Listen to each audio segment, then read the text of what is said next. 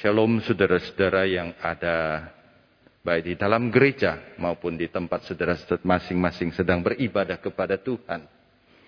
Kita bersyukur kepada Tuhan hari ini kita boleh berkumpul bersama untuk belajar firman Tuhan. Tema kita hari ini adalah Injil adalah kekuatan Allah.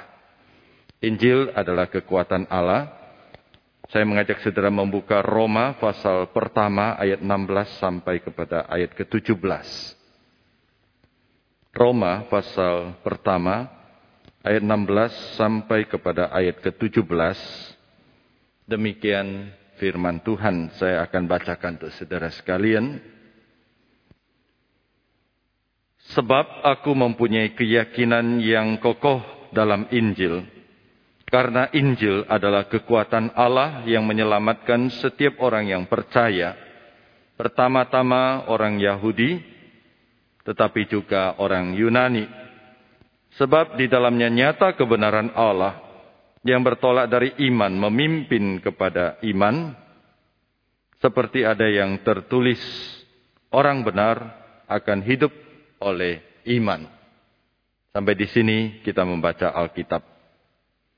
Saudara yang dikasih oleh Tuhan, dalam sebuah website milik almarhum pendeta Billy Graham, saya menemukan beberapa cerita berikut ini. Yang pertama ada seorang pemuda pejuang kemerdekaan di sebuah negara Eropa Timur. Satu hari dia dalam keadaan kesulitan ekonomi yang besar, oleh sebab itu dia membutuhkan banyak uang. Lalu dia ditawarkan oleh sebuah geng mafia untuk menjadi seorang pembunuh bayaran. Ketika dia sedang menawar, eh, menerima atau mempertimbangkan tawaran itu, ia mendengar Injil. Akhirnya hatinya bertobat dan dia langsung menolak tawaran itu dan dia mempersembahkan diri menjadi hamba Tuhan. Cerita kedua, ada seorang perempuan berusia 22 tahun hidup dalam siksaan batin yang luar biasa berat karena dia terus-menerus berulang kali melakukan aborsi. Satu hari dia mendengar Injil, lalu dia maju ke mimbar, membuka hati sungguh-sungguh menerima Yesus Kristus di dalam kehidupannya. Ia mendapatkan kelepasan karena dia tahu dosanya diampuni dan dia mendapat kekuatan untuk berhenti melakukan dosa aborsi dan dia hidup bagi kemuliaan nama Tuhan. Ada seorang pelajar putri kumpul kebo bersama dengan pacarnya. Satu hari dia mendengar Injil. Dia bertobat, dia percaya kepada Yesus Kristus, menyerahkan hatinya, menyerahkan hidupnya kepada Yesus Kristus. Dia bawa pacarnya juga percaya kepada Yesus Kristus. Sekarang mereka masih tetap bertemu, tapi bukan bertemu untuk berbuat dosa dan berzina. Tapi bertemu untuk belajar kebenaran firman Tuhan. Saudara sekalian, semua cerita di atas membuktikan kalimat ayat firman Tuhan yang kita baca hari ini. Bahwa Injil adalah kekuatan Allah. Itu bukan sebuah deklarasi yang kosong. Tapi itu adalah sebuah pernyataan kebenaran dan saya percaya ketika Rasul Paulus menulis kalimat ini. Sebab aku yakin bahwa Injil adalah kekuatan Allah. Dia menceritakan dari pengalaman pribadinya. Dulu dia adalah seorang yang sangat membenci Kristus. Bahkan dia menyiksa orang Kristen. Tapi tiba-tiba dalam satu momen dia bisa berubah menjadi seorang yang memuja Kristus. Dia rela menderita bagi Kristus. Dia rela dipenjara, difitnah. Bahkan sampai akhirnya dia rela mati untuk Kristus. Ada sebuah perubahan yang drastis. Ada sebuah perubahan yang sangat besar. Ibarat seseorang di dalam kehidupan ini ada orang sangat tidak suka durian. Tapi sebaliknya, ada orang sangat suka durian. Jadi durian itu binatang, eh bukan binatang, apa buah ya. Duren itu buah yang sangat ajaib. Kalau orang suka sukanya setengah mati, tidak suka juga tidak suka setengah mati. Bahkan ada yang suami istri yang pernah saya dengar ceritanya. Suaminya sangat tidak suka duren dan istrinya sangat suka duren. Dan suaminya benar-benar ngomong, kalau kamu berani makan duren, kita cerai katanya. Itu benar-benar dikatakan. Nah saudara sekalian, ada orang saking suka durennya, sampai khusus terbang ke Malaysia, khusus terbang ke Singapura untuk cari duren Mausan King. Itu saking sukanya. Tapi ada orang saking tidak suka durennya, sampai cium bau duren saja dia bisa muntah. Ada satu orang dia pernah makan duren, orang barat dia makan duren pertama kali. Dia cerita kepada saya, tiga hari kemudian itu bau duren lebubnya itu masih terasa dan dia masih belum bisa makan. Hanya makan satu biji saja saudara sekalian.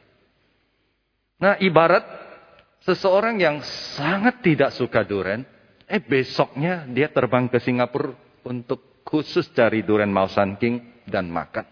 Perubahan apa saudara sekalian? Kekuatan apa yang membuat dia yang tiba-tiba mati-matian tidak suka duren menjadi mati-matian suka duren? Saya kira perubahan Paulus dan perubahan orang Kristen ketika percaya kepada Yesus Kristus, kekuatannya itu adalah jauh berbeda dan jauh lebih dahsyat dibanding dengan orang suka duren dan tidak suka duren. Jadi ketika Rasul Paulus menulis ayat ini, dia sedang bersaksi di dalam hatinya. Benar, kata Rasul Paulus. Pengalaman saya membuktikan itu. Sebenarnya bukan hanya Rasul Paulus yang memiliki pengalaman ini.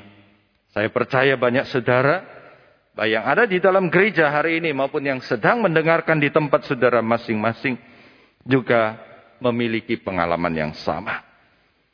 Dulu hidup kita bagi dosa. Kita hidup di dalam dosa. Kita menjadi budak dosa. Kita tidak mempunyai pengharapan.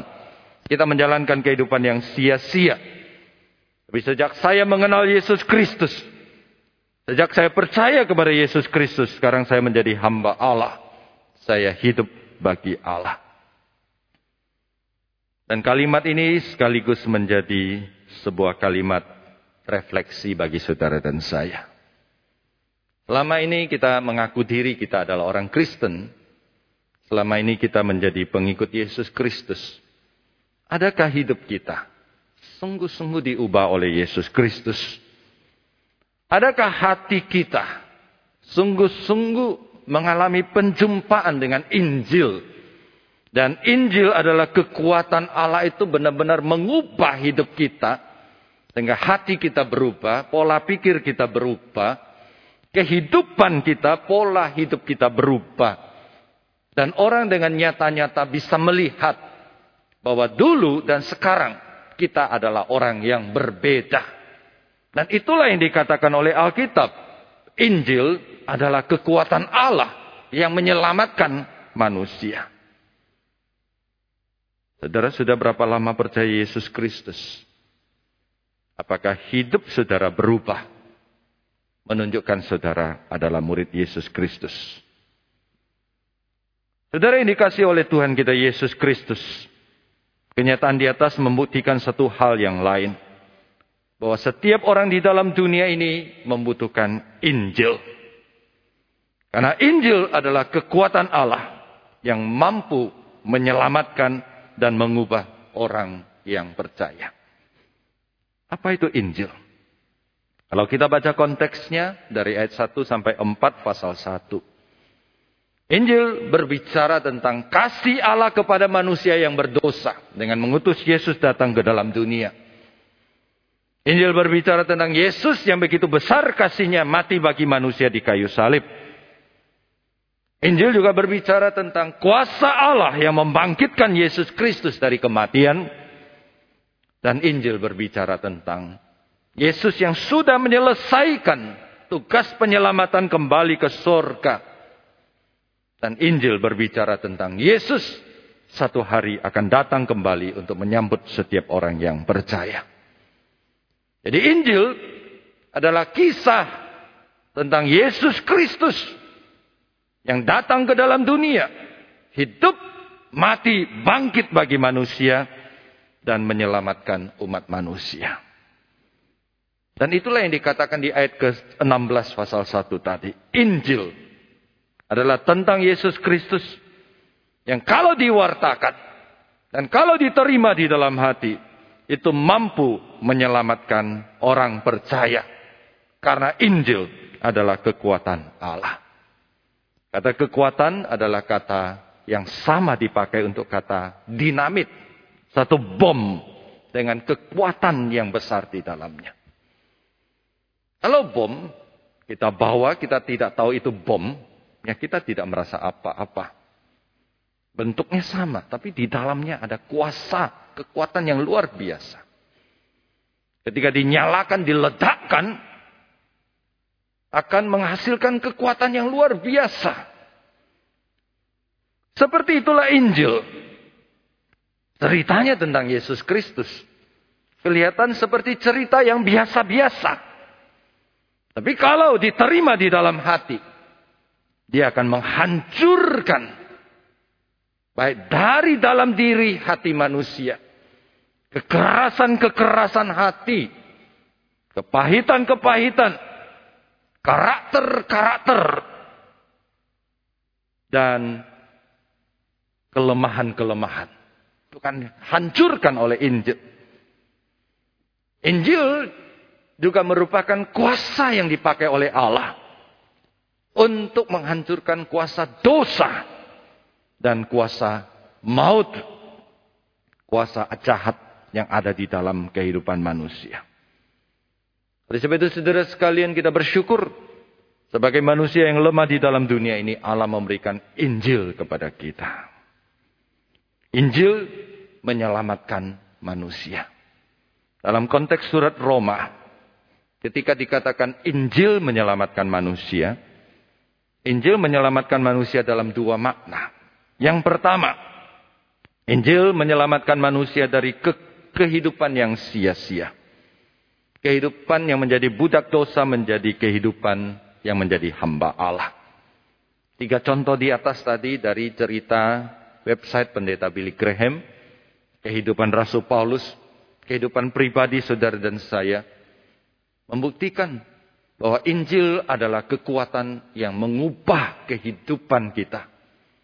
Yang dulu adalah budak dosa. Kalau saudara membaca pasal 1 ayat 16 17, persis perikop di bawahnya menceritakan bagaimana bejatnya, bagaimana jahatnya manusia yang hidup di dalam kesia-siaan, di dalam kuasa dosa. Tapi kalau percaya Injil, firman Tuhan itu Yesus Kristus dapat menyelamatkan kita dan melepaskan kita dari kehidupan sia-sia itu. Arti kedua menyelamatkan dalam konteks surat Roma adalah menyelamatkan manusia dari kebinasaan kekal. Dalam pasal 3 ayat 23. Roma mengatakan, Rasul Paulus menulis, semua manusia telah jatuh ke dalam dosa. Dilanjutkan pasal 6 ayat 23. Dikatakan bahwa upah dosa adalah maut. Semua manusia telah jatuh ke dalam dosa dan upah dosa adalah maut. Semua manusia tidak bisa lepas dari maut. Apa itu maut?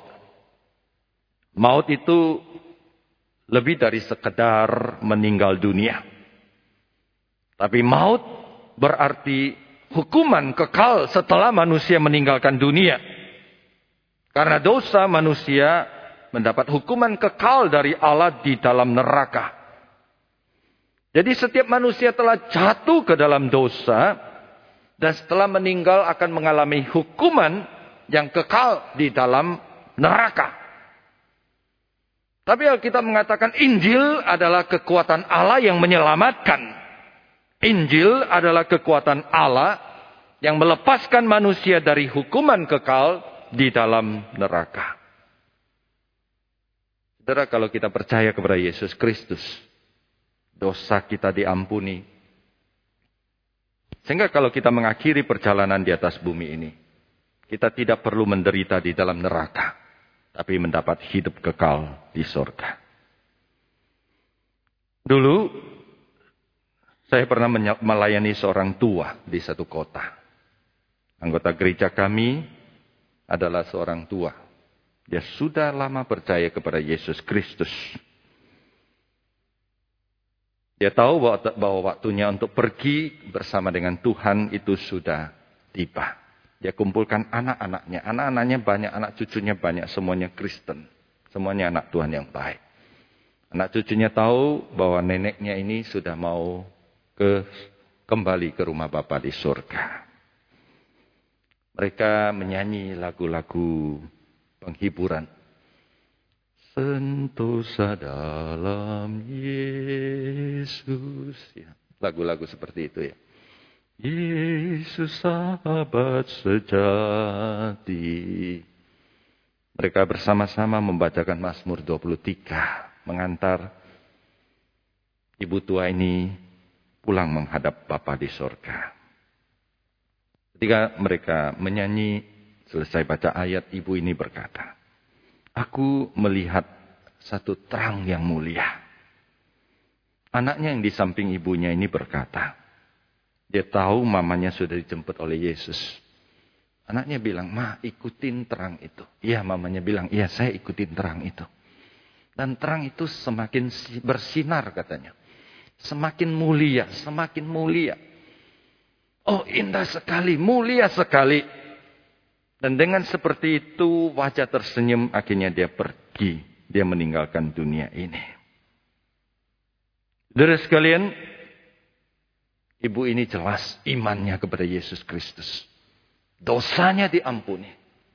Setelah dia mengakhiri perjalanan di atas bumi ini, dia dijemput oleh Tuhan Yesus ke tempat yang mulia. Dan itulah kekuatan Allah yang menyelamatkan. Dan itulah Injil. Orang berdosa yang seharusnya binasa di dalam maut, api neraka. Tapi karena percaya kepada Yesus Kristus, mendapat pengampunan dosa. Bagaimana dengan saudara? Saya tidak tahu siapa yang mendengarkan saya hari ini karena saya tidak bisa melihat. Tapi siapa pun saudara, izinkan saya bertanya kepada saudara. Kalau satu hari perjalanan hidup saudara sudah selesai di atas bumi ini. Ke manakah saudara akan pergi? Saudara akan dijemput di dalam kegelapan yang paling gelap? Atau saudara akan dijemput oleh terang mulia yang paling mulia. Ingat saudara sekalian, surga dan neraka itu kekal abadi, tidak ada selesainya. Kalau hari ini saudara belum yakin saudara ke mana akan pergi, izinkan saya dengan kasih Tuhan mengatakan Injil, cerita tentang Yesus Kristus adalah kekuatan Allah yang mengampuni dosa saudara. Kalau saudara hari ini membuka hati percaya kepada Yesus Kristus. Menerima, mengakui diri adalah orang berdosa. Yesus akan menyelamatkan kamu dan mengampuni kamu. Jadi saudara sekalian jelas pasal 1 ayat 16 katakan Injil adalah kekuatan Allah yang menyelamatkan setiap orang yang percaya. Selanjutnya ayat 17 memberitahukan bahwa Allah tidak hanya melalui Injil menyelamatkan manusia, tapi menjaga iman manusia sampai kepada kesudahan. Saudara buka pasal 17 di sana dikatakan bahwa manusia diselamatkan oleh iman. Orang benar akan hidup oleh iman. Iman artinya percaya kepada berita tentang Yesus Kristus. Tapi di dalam ayat ini kita membaca ada tiga kata iman. Iman pertama menjelaskan orang benar akan hidup oleh iman. Tapi ada dua iman yang lain. Yang pertama adalah iman yang memimpin kepada iman yang kedua. Jadi ada iman pertama dipimpin kepada iman kedua. Dan Allah melalui kebenarannya memimpin manusia dari iman pertama dengan selamat sampai kepada iman kedua. Apa artinya ini saudara sekalian? Manusia diselamatkan oleh iman. Dan di dalam hidup manusia ada dua iman. Iman pertama, lalu dipimpin di dalam kebenaran Allah oleh kekuatan Injil itu sampai kepada iman kedua. Apa itu iman pertama? Iman pertama adalah iman pada saat seseorang menyadari dirinya orang berdosa dan menerima Yesus Kristus. Dan itu adalah iman ketika dia mulai percaya kepada Yesus Kristus. Dan di dalam kebenaran dan kasih karunia Yesus Kristus, dia akan memimpin setiap orang percaya sampai kepada iman kedua, yaitu iman pada saat dia mengakhiri kehidupan di atas bumi ini. Iman pertama, waktu seseorang percaya kepada Yesus Kristus, dia akan dipelihara oleh kekuatan Allah itu sampai kepada iman kedua. Dan cara antara iman pertama dan iman kedua itu ada waktu. Ya, tergantung orang. Ada orang jarak iman pertama dan kedua mungkin beberapa hari saja. Ada yang mungkin beberapa bulan saja. Ada yang bertahun-tahun. Jarak antara iman pertama percaya Yesus sampai iman dia meninggalkan dunia ini. Tapi ada juga berpuluh-puluh tahun. Dan di dalam jarak di antara dua iman ini, apa pun bisa terjadi. Benar saudara sekalian, kehidupan manusia itu seperti roda. Ada kalanya di atas, ada kalanya di bawah. Ada kalanya hidup kita naik, ada kalanya hidup kita turun. Ada kalanya Tuhan terasa begitu dekat dan nyata, ada kalanya Tuhan terasa jauh. Sama seperti lagu yang mengatakan Tuhan tidak berjanji langit selalu cerah, jalan selalu lancar. Hidup berputar. Tapi ada satu janji Tuhan. Dan janji itu tertulis di dalam ayat hari ini. Tuhan menyertai kita. Tuhan memimpin kita. Di dalam kebenarannya. Dia menjaga kita. Dia memelihara iman kita. Dari iman pertama sampai dengan aman. Iman yang terakhir. Dia memberi kekuatan kepada kita. Saudara itulah indahnya ayat ini. Alkitab memberikan satu janji dan satu jaminan kepada kita. Selain menyelamatkan kita, apa pun terjadi di dalam kehidupan kita, Allah menyertai kita dan memimpin kita sampai kita selamat sampai di akhir hidup kita. Saudara yang dikasih oleh Tuhan kita Yesus Kristus, saat ini sebagian besar kita di antara iman pertama dan iman kedua. Dan kita tahu kita sedang berada di dalam kondisi yang tidak menguntungkan. Di tengah perjalanan antara iman pertama dan iman kedua, kita menghadapi pukulan yang berat. Karena pandemi COVID-19 ini. Saudara kalau berbicara tema kehidupan kita, percakapan kita, tidak lari daripada COVID-19. Dan ceritanya adalah suram. Tidak hanya suram. Mungkin bagi banyak orang, warna kehidupannya itu sudah hitam pekat. Ibarat kapal. Kapal itu bukan hanya kandas, tapi kapal itu sudah karam. Setiap hari kita mendengar cerita demi cerita yang menakutkan dan yang menyedihkan. Kita mendengar berita cerita kematian yang tragis. Beberapa, beberapa hari yang lalu, malam-malam, saya memakamkan satu orang dengan video call.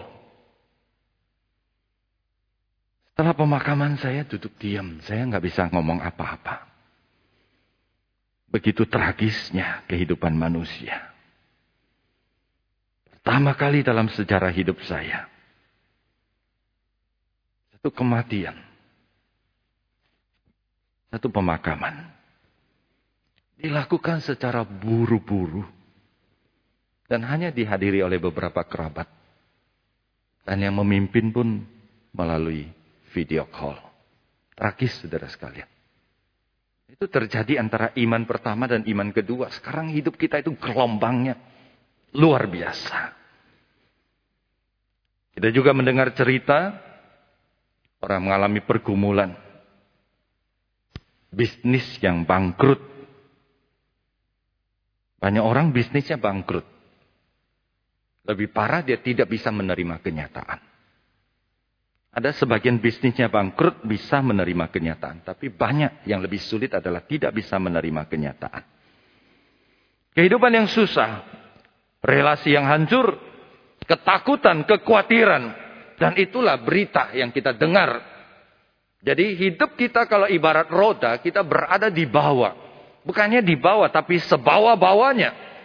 Sesulit-sulitnya. Seberat-beratnya.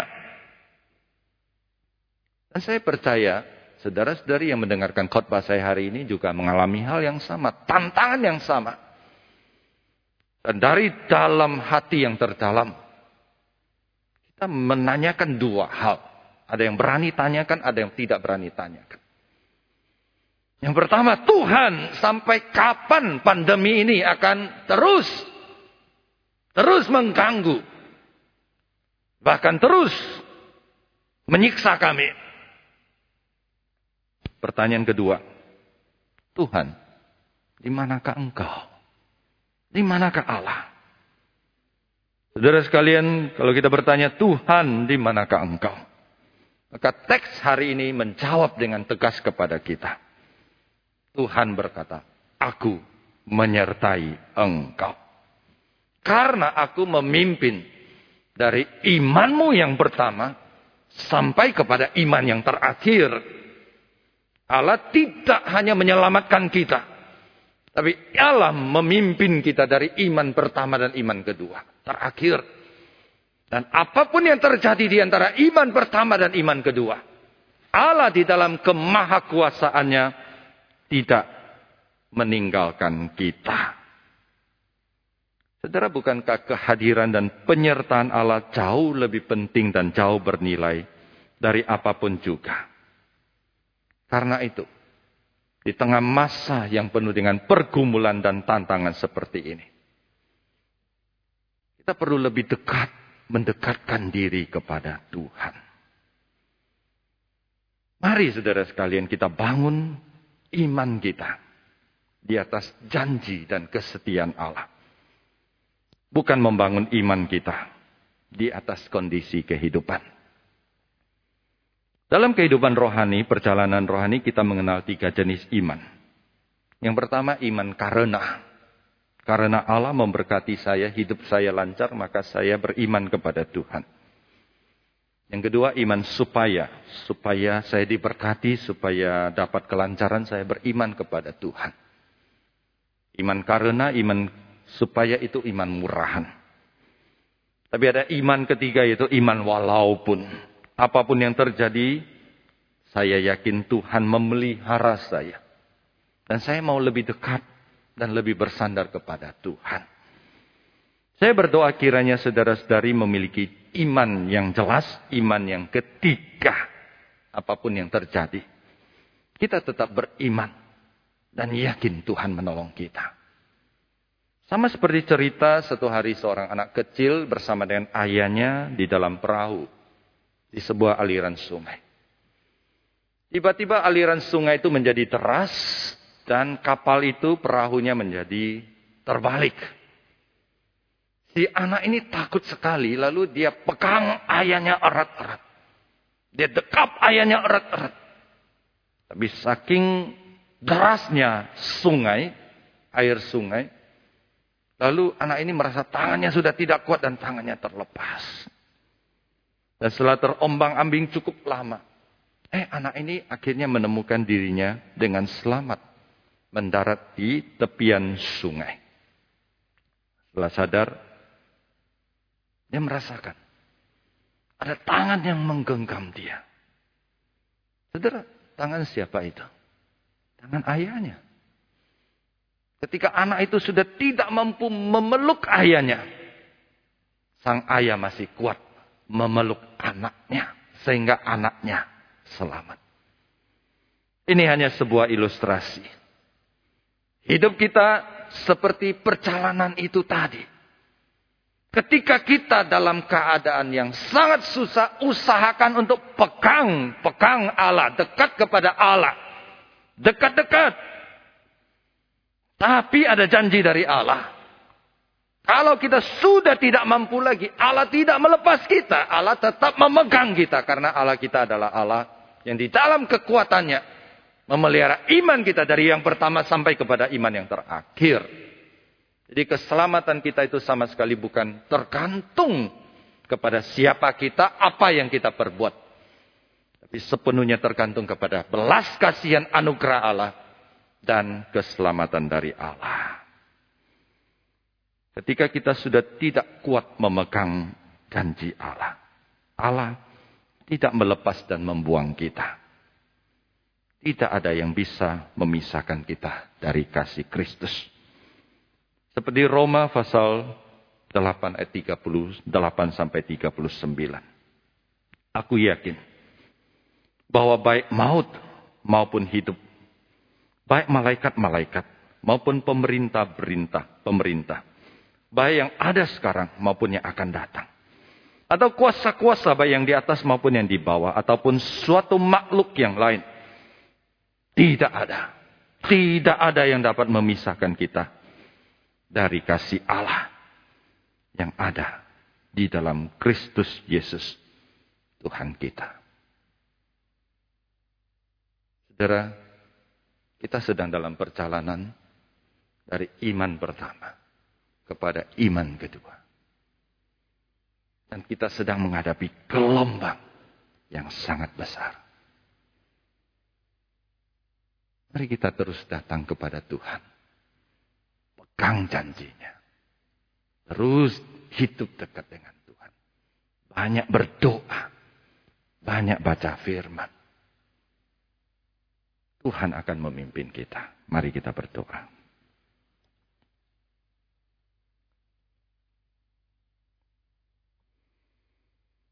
Injil adalah kekuatan Allah. Kekuatan yang sama itu juga berlaku saat ini dan hidup saudara. Saya tidak tahu kondisi Anda hari ini. Apakah Anda sedang bergumul berat karena penyakit, ekonomi, relasi, atau kebosanan hidup atau ketakutan? Apa pun yang terjadi, jangan menyerah, jangan putus asa bertahan sebentar lagi, berdoa lagi, berlutut lagi di hadapan Tuhan, berseru lagi kepada Tuhan. Pertolongan Tuhan akan segera tiba karena Dia berjanji menyertai kita dan Dia tidak pernah melepaskan kita. Kiranya Allah menolong kami di tengah masa sulit seperti ini, kami bukan bertanya mengapa, tapi kami sebagai seorang anak, sebagai seorang hamba, seperti domba yang tidak berdaya, mendekatkan diri lebih dekat kepada gembala kami. Karena Yesus Kristus adalah gembala baik yang berjanji tidak pernah meninggalkan kami. Demi nama Tuhan Yesus kami berdoa. Amin.